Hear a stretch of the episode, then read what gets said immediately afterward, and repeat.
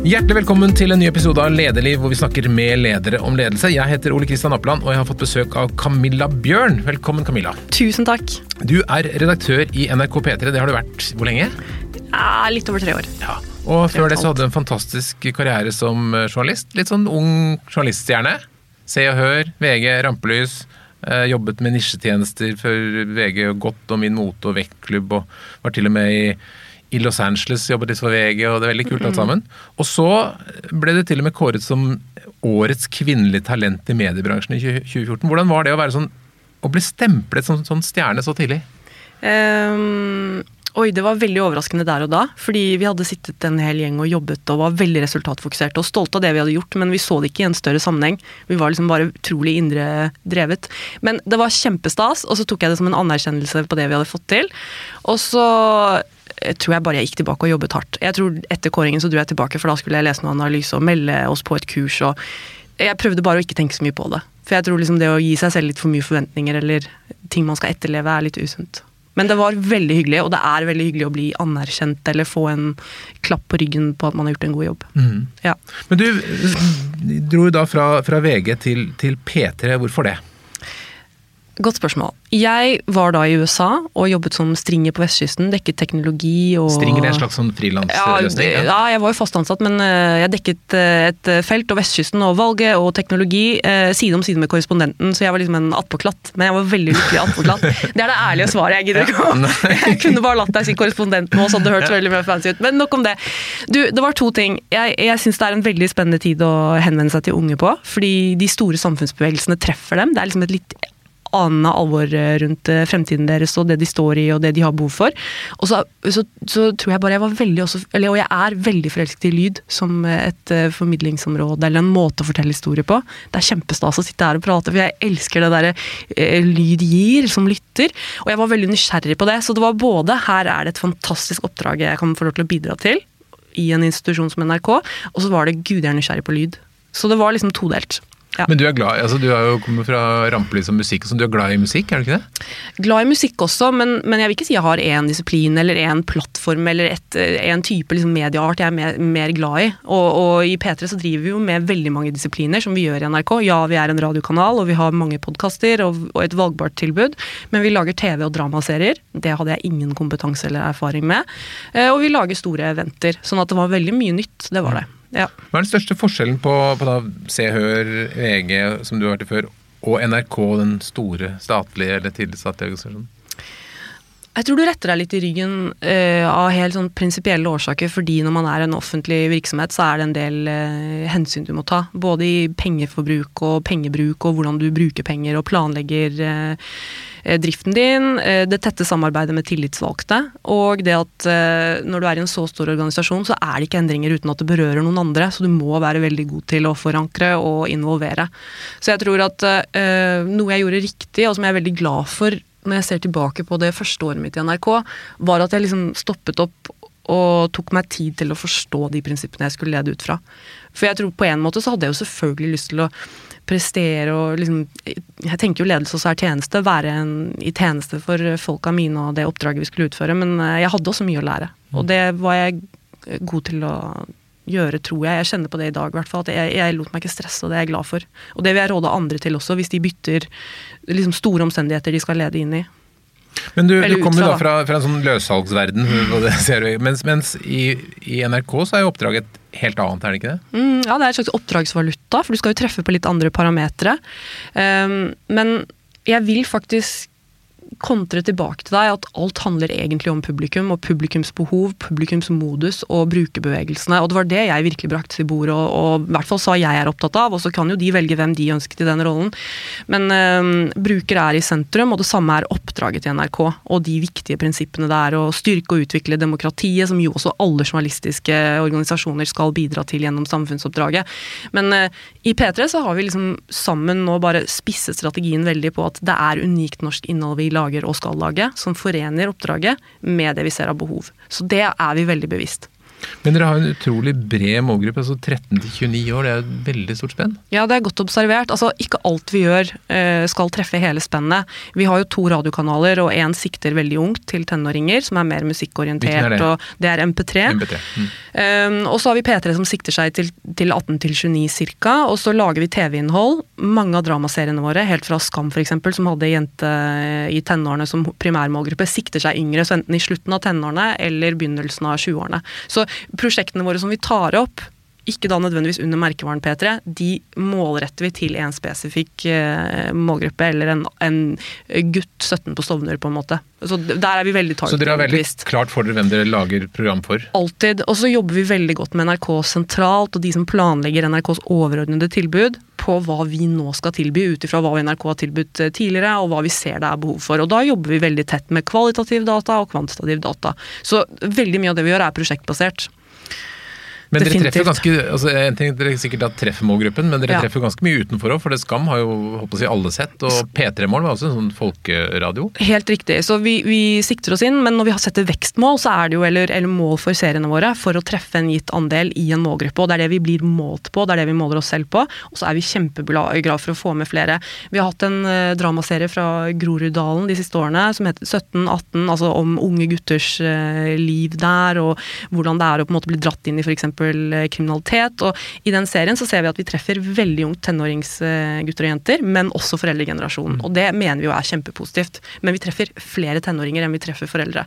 I P3 så har vi f.eks. radiokanalen P3 gjort det bra i målgruppen nå, men vi ser at f.eks. under korona så falt de utenom eh, kjernemålgruppen litt mer av. Og det er sikkert fordi også de søker mer aktualitet. Så skulle man gjerne sett større lojalitet blant de òg, men jeg gir dem det at det er lurt å sjekke Men nyhetene. det- P3 Morgen er jo et flaggskip, og dere hadde et mannskapsskifte der. Ja. Beskriv avslutningen på Silje og Ronny og Markus. Åh, for det første må jeg bare si det var en ære å få jobbe med Silje, Ronny og Markus. Og det å, å beslutte også sammen med dem at det var på tide å takke av, det var kjempevanskelig. Men vi må gjøre det selv om det er skummelt å fornye oss, ikke sant. Ehm, og så bestemte vi at de skulle få takke av i operaen. Og jeg tror vi først tenkte at Og jeg må si, først så var det jo ikke operaen vi tenkte på. Vi tenkte at det skulle bli sånn kafeteatret og det skulle være 50 stykker som vi pleier å invitere fra publikum i, i, i salen. Men det blei jo liksom Det blei jo mange, mange, mange hundre mennesker og en full opera og eh, halve regjeringen og eh, store kjendiser og veldig mange rørte folk i målgruppa. Fremst da, som fikk en fin eh, morgen. Start på morgenen, i hvert fall. For alle måtte jo møte opp 05.00, så det var jo veldig imponerende. Nei, det var veldig gøy. Men det er også en sånn påminnelse om at det faktisk er ganske mange mennesker der ute, selv om man sitter i et studio og ikke ser dem. Ja, og vet du hva, det glemmer vi aldri. For vi er jo i kontakt med publikum, eh, i hvert fall i den daglige sendeavviklingen hele tiden. Og det fine er, og det må jeg bare si, jeg må trekke frem de folka som jobber i P3, det de trekker frem når de forteller om prosjektene sine, både internt og eksternt, er jo brukertilbakemeldinger. De er jo mest opptatt av hvordan de rører ved folk. Og det er utrolig kult med å jobbe i P3. Ha mange eh, Vi har mange unge medarbeidere, og folk i, i eldre garde også. Det utgjør fint mangfold, men de trekker alltid frem og brenner for oppdraget. Og det tror jeg er en viktig forutsetning for at vi skal lykkes. Men eh, P3 er jo primært radio. Og det, Hvordan går det med radio? Altså, jeg elsker radio, men, men hører ungdommen radio? Altså, Merkevaren P3 er primært eh, lyd, det har du helt rett i. Og så er jo lyd generelt overraskende robust som et eh, lineært eller ikke-valgbart medie. Det bare mener jeg vi må få stadfestet. Tenk at det er nærmere tre millioner mennesker som lytter i Norge til radio hver eneste dag. Uh, Så bra, det er godt ja, å høre. Jo, men jeg bare syns at det er Ja, det er kjempeviktig å si. Og så kan vi se at liksom andre mer sånn lineære medier som eh, TV, det har jo tatt mye større fall enn radio. Det er bare viktige presiseringer når vi snakker om radio. Men selvsagt, altså blant unge så går man jo vekk fra lineær bruk fordi man ønsker å gå mer og mer til valgbart. Så vi ser at både dekning og lytting har gått ned over tid, hvis vi ser i hvert fall fra 2014. Men det er ikke stort stort. Vi ser at unge lytter ca. 20% mindre enn for, eh, eh, for seks år siden ca. Men vi har ingen grunn til å tro at den utviklingen vil endre seg. Så vi flytter jo fokuset vårt til det valgbare. Og da er det eh, litt som du sier, hva skjer med merkevaren da? Hvordan posisjonerer vi? Det er jo noe vi snakker om hele tiden. Og hvordan står den seg i fremtiden? Fordi P3 er jo en veldig sterk merkevare i dag. Og det er en stor Men blir det bare flyttet for over på, på podkast?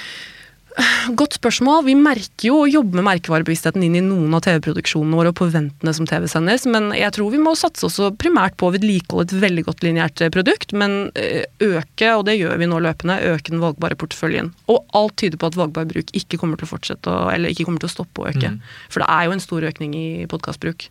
Så det betyr at den atferden vi har sett på TV, den, den, flytter seg egentlig over på radio? At man går fra lineært til, til, noe valgbart, som du sier? Blant unge. Mm. Og så ser man jo igjen, og det må jeg bare være flink til å understreke, for det er veldig mye ulike liksom, synsinger om eh, radio. Det er et robust medie overraskende robust, så man gir det ikke alltid kreden for det. Men det er jo en annen type lytting, da, fordi radio er jo noe du kan gjøre mens du gjør andre ting. Mm. Og det er ikke nødvendigvis all annen mediekonsum. Selv om mange sitter med en second screen når de følger med på TV f.eks., eller strømmer. Mm. Ja. Hvor stor del av deres ressurser går til å lage radio, men går til andre ting? Har du tall på det? Ca. 50-50. Mm. Så eh, vi fordeler ganske jevnt og jobber veldig med den fordelingen hele tiden. Og omsetter kompetanse og prøver å bruke folk på tvers. Mm. Og vi har veldig allsidige medarbeidere som er drivende dyktige på mange disipliner. Det, altså det blir imponert hver gang. Og som ønsker å jobbe egentlig mye mer på tvers enn de gjør i dag. Men da du kom inn i, i P3 da, fra, fra, trykket presse til å begynne med helt andre ting, eller trykket også digitalt, da, men, men altså skri, skriftlig i hvert fall. Da, ja, skriftlig, skriftlig, skriftlig, skriftlig Fra skriving til, til lyd og ja. bilder. Hvordan, eh, hadde, hadde, du da tanker om hvordan du skulle være som leder? Og det er et veldig godt spørsmål. Uh, igjen uh, Nei, jeg prøvde å legge vekk den selvbevisste delen av det. Og så var jeg veldig opptatt av to ting, og er det egentlig hele veien. Og det er én, å være ærlig. Være så gjennomsiktig som overhodet mulig. Jeg syns det er en veldig fin holdning å møte mennesker med. Det at folk kan få fatt på hva jeg vil, og vite hva som foregår. Og at jeg har en veldig uformell og åpen tone på ting. Jeg tror det er kjempeviktig. Spesielt i en litt mer formell organisasjon. Og så er det det andre tilstedeværelse. Og Det høres litt sånn rart ut, men, øh, og jeg mener ikke å gå i den selvutviklingsretningen, men det at jeg er til stede her og nå og faktisk hele tiden passer litt på om jeg er for stressa, eller at jeg liksom lytter og tar inn og ja, lærer, rett og slett. Jeg tror jeg hadde bare sånn mantra i starten om at jeg skulle bare lytte og lære. Jeg var veldig åpen om også hva jeg manglet, men veldig tydelig på hva jeg syntes var viktig. Men mange ledere vil jo liksom være den som er nær og prate med alle. Men man blir jo fort sugd inn i møter og planer og ting som man blir dratt unna folka sine? Ja. ja nei, jeg er ikke noe god på sånn smalltalk, men eh, nei, jeg er ikke det. Jeg, eh, nei. Men jeg er ja, nei, så det syns jeg ikke er noe jeg prøver, Nei, bare, det tenker jeg ikke noe over heller. Så det er ikke noe uoppriktig. Men hvis jeg ikke har tid, så har jeg ikke tid. Men jeg er jo nysgjerrig, da, og det opplever jo veier opp. Og jeg er veldig opptatt av hvordan folk har det. Altså, jeg er opptatt av HMS. Altså, jeg, jeg, føler meg noen ganger mer som en vaktmester enn uh, en medieleder. Jeg ja, vernerunden og jeg er engasjert i at folk har det bra. Da. Jeg er liksom nysgjerrig på at, hvordan folk har det. For jeg tror jo at hvis de er trygge og uh, har det bra, så oppnår vi resultater sammen. Mm. Dere er jo en veldig sånn kreativ organisasjon. Dere en, kommer med nye ting og sprenger grenser og vekker oppsikt og, og betjener et veldig kresent publikum. Hvordan mm. klarer dere å holde kreativiteten ved like? Det er todelt. For det ene, og jeg var litt inne på det, eh, så jobber vi veldig systematisk med innsikt. Både kvantitativt og kvalitativt. Ingenting vi lager eh, har ikke vært gjennom en kvern hvor vi har snakket med målgruppa eller det segmentet, eller som bygger på behov som vi vet er der. To, vi, vi, eh, vi jobber året rundt med å både fornye innholdsporteføljen, programmene, evaluere og endre. Og så legger vi inn faste innovasjonsdager. Vi, vi holder til i to byer, så vi gjør det i begge byer. Som legges tett opp til når NRK fornyer strategier. og må vi fornye våre egne strategier. Og da jobber vi både med å liksom oppmuntre alle til å komme med ideer ut ifra de behovene avdelingen og organisasjonen har, og så jobber vi de opp i plenum og skaper liksom ja, et mm. lagarbeid ut av det. Så vi har helt konkrete holdepunkter. Og så er det, det ting, Blir man da gitt konkrete utfordringer? Nå skal vi lage en idé på dette, eller hvordan skjer det? Ja, altså I år så var utmeldingen at vi ønsket uh, flere valgbare satsinger med ideer innenfor humor, uh, dokumentar, og vi ønsket dokumentarprosjekter innen privatøkonomi for unge og karriere og uh, altså, Så vi, vi, identifiserer løst overordnet de behovene vi har, og så mm. ser vi hva som dukker opp. Og, og det er da både for ansatte og frilansere og andre som Ja, alle som da har en tilknytning til mm. oss, får, får, delta, og der er vi veldig åpne.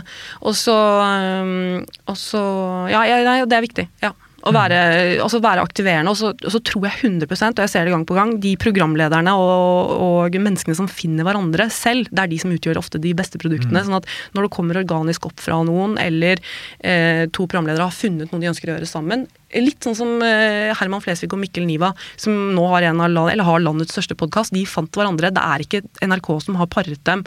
Eh, det er best når de ikke blir paret. Vi tror det da som oftest. Så ja. Så dette handler egentlig om å vanne og dyrke og la ting vokse litt Ja, fritt? stole på tilliten og det som bor i organisasjonen, men legge til rette for det, da. Mm. Ja. Det kommer ikke gratis. Du må jobbe for det. Men eh, er det en utfordring da at det vil jo komme opp masse ideer som ikke er bra? Altså det, det, er, synes du det er vanskelig å på en måte si Nei. godt forslag, men nei?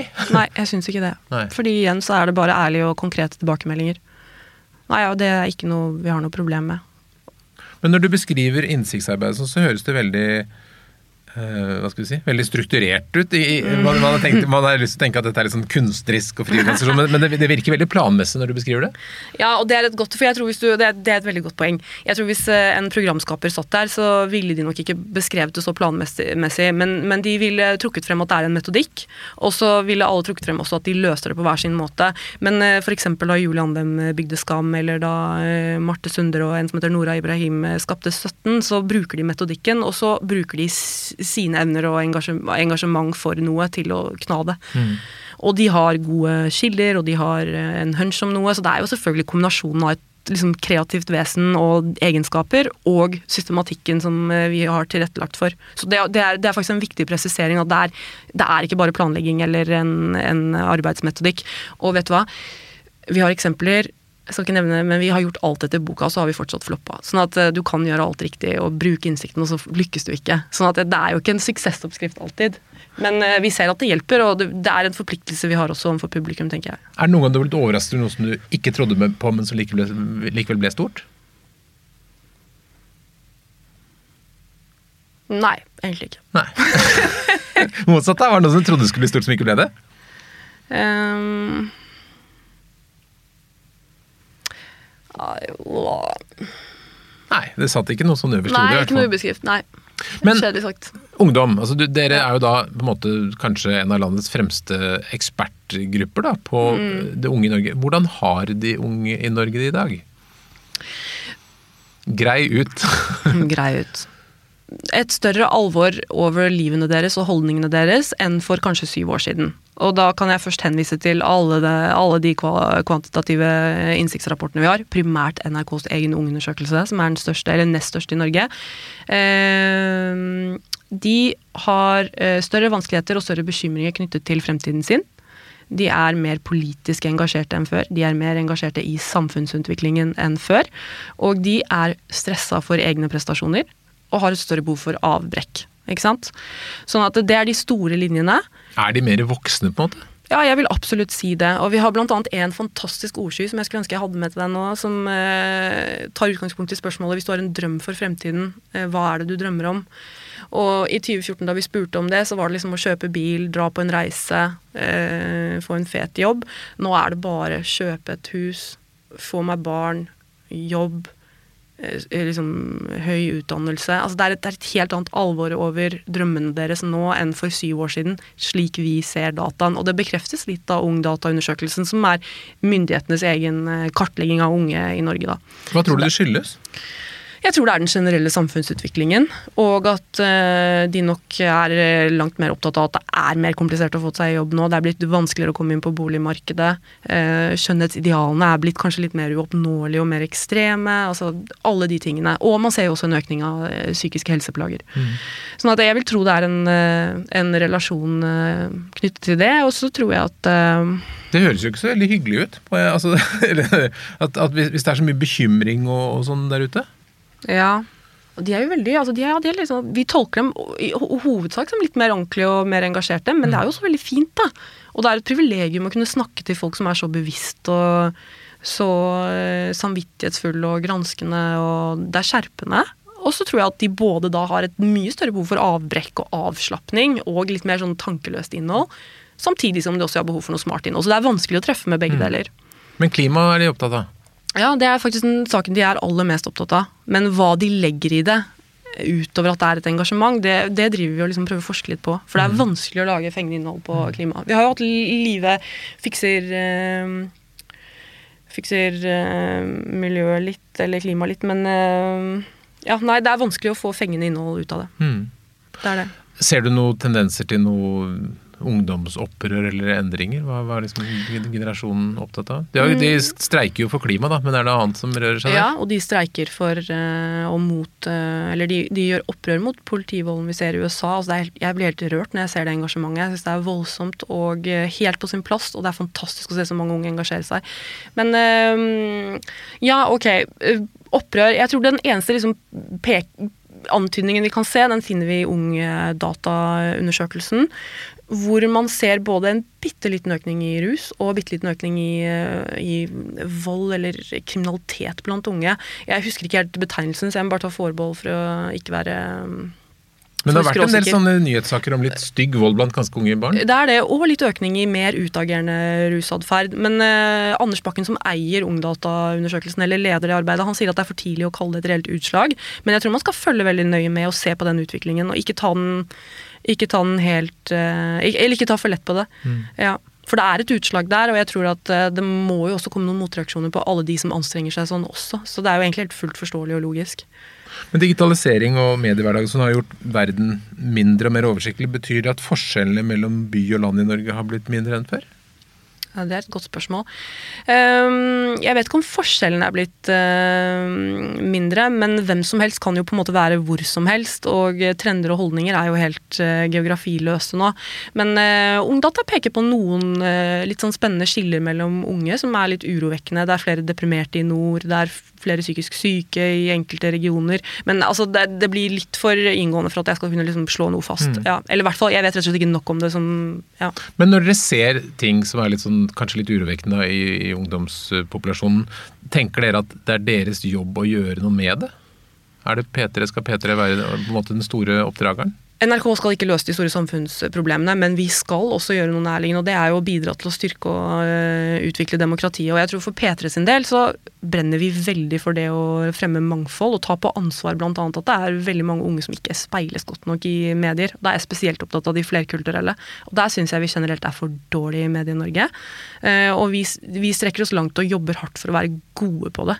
Ha profiler med mangfoldig bakgrunn og uh, fortelle historier, ikke bare om det A4 men jeg kan både henvise da til at vi lager dramaserier fra eh, Groruddalen eller har Kongen av Gulset med Jonis Josef, eh, til at vi også har en dramaserie som hadde premiere og som gjorde det kjempebra i vår, som heter Rådebank. Som er en, egentlig en kjærlighetshistorie og en, eh, en, eh, fortelling om unge gutter og følelser.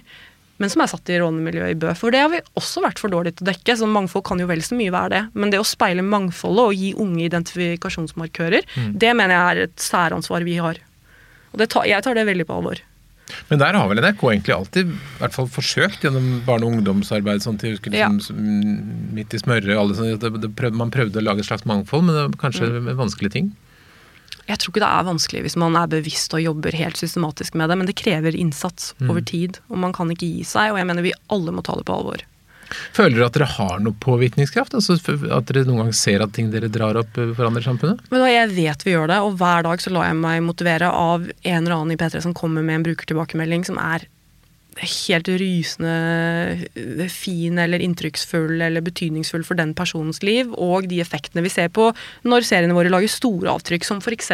Skam, som virkelig ga unge verktøy til å liksom normalisere livet og ta tak i ting, og ha samtaler med familien din eller nærpersoner som da kan utgjøre en forskjell. Så ja, det føler jeg absolutt vi gjør, og jeg er trygg på at vi gjør det. Og det er en stor motivasjonsfaktor. Skam ble jo nevnt. Har du noe tall? Hvor stort ble Skam? Hvordan tall da? Nei, jeg vet ikke. Det var, det var jo til da den mest sett serien og i, i, NRK TV, og selvfølgelig altså, sånn, Alle parametrene tror jeg egentlig alle kjenner, men også solgt videre til flere land og gjenskapt i flere land. og En stor suksess. Men jeg tror igjen det viktigste var jo alle samtalene og debattene og inntrykkene man satt igjen med. Mm. Men herregud, vi må ikke sitte og snakke for mye om det. Det er jo nå noen år siden. Men uh, ja. ja men det, var, det, var en, det er jo en, en mediebegivenhet av dimensjoner. Jeg, jeg syns det var veldig fascinerende å oppdage at uh, det gjorde noe med svensker og dansker sin forståelse av norsk. Altså, ja, det er jeg kunne plutselig komme, komme, til København, så forsto folk hva jeg sa, fordi de hadde fulgt med på Skam. Jeg så jenter som hadde klippet ja. seg sånn som uh, Skam-karakter og sånn. Det er jo ganske fascinerende, og det, det er veldig sjelden at vi har hatt norsk underholdning eller film som har hatt den typen kraft. Ja, det er utrolig kraftfullt. Det er helt riktig. Den viste litt om hva det kan være. Og jeg tror at 2016-2017 Det var vel kanskje for alvor også da vi så litt av den nye Eller litt av det nye alvoret blant unge. Så jeg tror at den tiden markerte også et vendepunkt hvor kanskje litt av de nye holdningene ble mer synlig. Men jeg tror jo også at vi kan ikke bare lage føleri og al alvorlig innhold. Det er litt som Sjefen i Super, NRK Super altså, har en veldig fin sånn slide hvor man skal snakke om hvordan man skal gjøre dette. og det er jo litt sånn Du må tenke at alt du skal levere er som en brokkoli, og så må du liksom bare trekke den med masse sjokolade. men noen ganger så trenger du veldig mye sjokolade, og andre ganger så kan du ha veldig mye brokkoli. Men, men det må jo være underholdende. Hæ? Vi må jo lage utrolig godt håndverk og eh, sterk historiefortelling. Ellers så blir det jo ja, hvor mange timer om dagen bruker ungdom på, på media, eller på telefonen sin? sagt på den måten? Det har jeg ikke i toppen av hodet. Nei. Beklager. Det må være mesteparten? Mesteparten, mesteparten på mobilen. Ja. Du må være litt mer spesifikk. Nei, jeg har ikke fra toppen av hodet. Jeg kan gi deg tall senere. Det kan ikke være mange timer man ikke er på noe. Er Men du har, jo, altså, du har, jo, fire barn, ja, så du, jo, du, kan jo forske hjemme. Og så kan vi generalisere det. Det, det kan vi gjøre. Men, men, når du da jobber med Noen av de du har, er jo, er jo store stjerner. Altså, er, det, er det vanskelig å ha en organisasjon med primadonnaer, stjerner, kjendiser? Er det, er det en utfordring å lede? Nei, jeg syns ikke det. Og jeg vil, jeg vil si det er jeg vil Fjern, jeg syns ikke. Jeg sier nei. Det er ikke mitt inntrykk. Tvert imot så er det eh, på lik linje med absolutt alle medarbeidere, engasjerte medarbeidere som brenner og ofte er sylskarpe faglig sett. Og som man lærer veldig mye av, og som eh, ja, nei, ikke, ikke blir forskjellsbehandlet eller krever det. Mm. Så det, det, vil jeg ikke si. Men jeg vil tro at hvis du jobber med uh, unge folk, så er det viktig å skape mye trygghet. Og, og, det er klart at hvis du er uh, profil eller deltar i en veldig personlig for eksempel, serie hvor du vier veldig mye av deg selv og gir mye av deg selv, så blir du sårbar i en, en, en, en lang periode. sånn at det å ivareta den sårbarheten, og jeg legger jo mye i det og uten å utdype så mye, så det tror jeg er kjempeviktig for oss. Mm. ja. Hva føler du er de vanskeligste liksom, dilemmaene? og er det du grubler mest på i jobben? Jeg grubler veldig mye på dette med mangfold. Og det å kunne levere bredt nok på bakgrunn av oppdraget til NRK. Og speile unge godt nok og, og, være relevant for dem. Jeg tror Hvis ikke vi klarer å være relevante, og der mener jeg mangfold er en veldig viktig del av det, så tror jeg vi kommer til å dø ut. Så det å hele tiden ikke være fornøyd er en stor del av, av tankevirksomheten min. Men ligger det ikke et slags dilemma der at hvis du skal ha med si, treffe små grupper, så kan du miste store grupper osv.? Helt klart. Ja. Men man må fortsette å prøve, da. Mm. Det er der den brokkolien kommer inn, da. er det andre ting du, du grubler på? Nei, det er egentlig ikke det. Altså, det er jo læring hele tiden. Da. Alltid en sånn jobb eh, generelt. Nei. Det blir litt sånn kjedelig svar, men, men det er ja, nei. Jeg møter det med læring hvis det er problemer, og så ja. Pleier det å.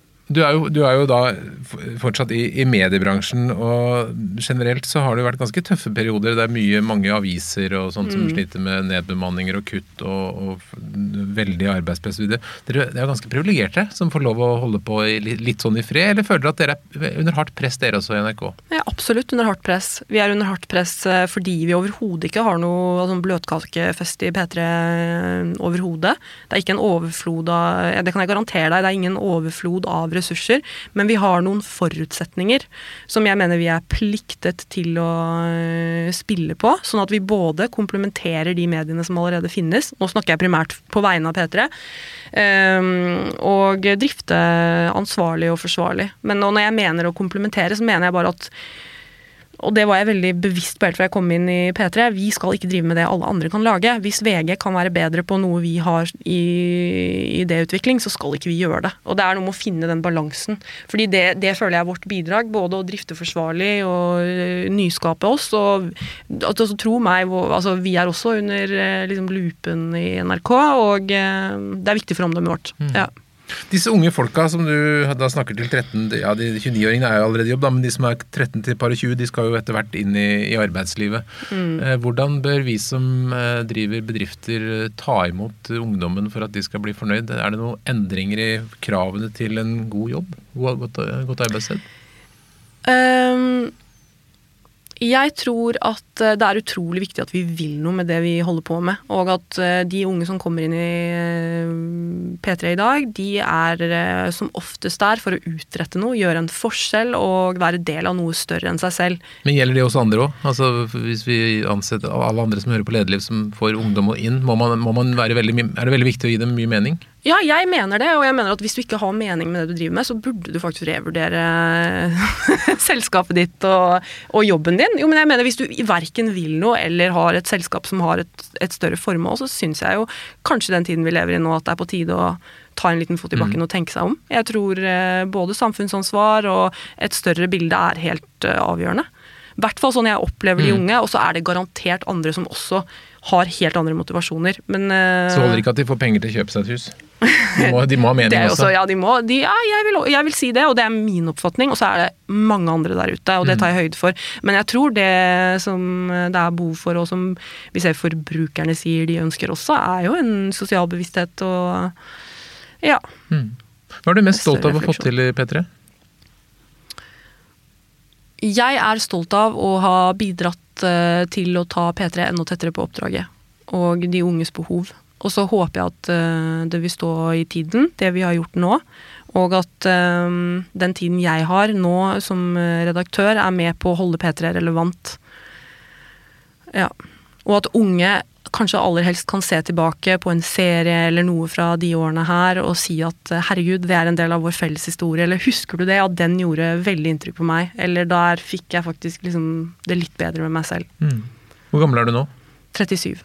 Hvor lenge kan du være leder for en så ung kanal? Jeg syns ikke altfor uh, alt for mange år til. Så det, jeg har jobben til låns, tenker jeg. Det er et lite verv. Og så gjør jeg mitt, og så tenker jeg at jeg må videre. Ja, jeg jobber mot en indre deadline. Du, det er ingen andre som har det er viktig, nå kommer, Hvis sjefen min hadde hørt på, så hadde hun sikkert steila litt. fordi hun har aldri stått med en kniv på strupen min. Men det er klart, vi har jo snakket om at ingen i P3, som leder P3 skal sitte i 100 år. Det er ikke riktig. Og det er noe med å få inn frisk blod etter hvert også. Hvis det kommer en ung person til deg som uh, har lyst til å bli leder, sier 'Å, Camilla, jeg skal bli som deg', hva er de tre rådene du vil gi for at uh, man skal bli en god leder?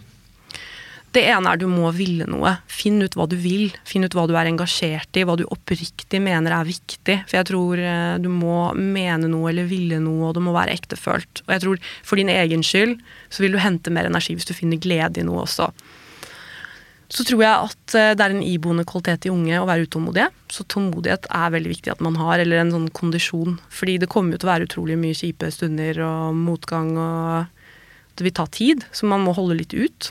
Og så tror jeg det siste er å behandle folk ordentlig. Jeg tror det er helt avgjørende. Så godt du kan, behandle folk ordentlig. Har du erfart at det er viktig? Ja, jeg har det. Og jeg har sett uh, både folk som har gjort det, og folk som ikke har gjort det. Og jeg lander alltid på at etterstrebe å behandle folk ordentlig. Det er en god avslutning. Ja. Hva gjør P3 i sommer? Er det fullt vanlig løp? Du, Vi har en fantastisk gjeng med sommervikarer. Eh, og så eh, skal vi tilby veldig mye bra eh, lydinnhold. Og vi holder på å avslutte en eh, ny sesong av 17-18-serien vår. Og så til høsten, hva, hva, hva byr dere på til høsten? Da har vi veldig mye spennende. Det får være hemmelig inntil, inntil, inntil om litt. Så bra. Ja. Jeg ønsker deg god sommer. Takk for at du kom til Lederliv. Tusen takk, like måte. Lederliv er en podkast fra kommunikasjonsbyrået Apeland. Eh, de som er i redaksjonen er Ellen Paulsen, Lars Jarle Melum, Lars Bolden og meg, Ole Kristian Apeland. Og vi kommer hver uke med nysending på fredager. Hvis du har en uh, idé eller tips eller innspill til oss, så finner du mailadressen vår på lederliv.no.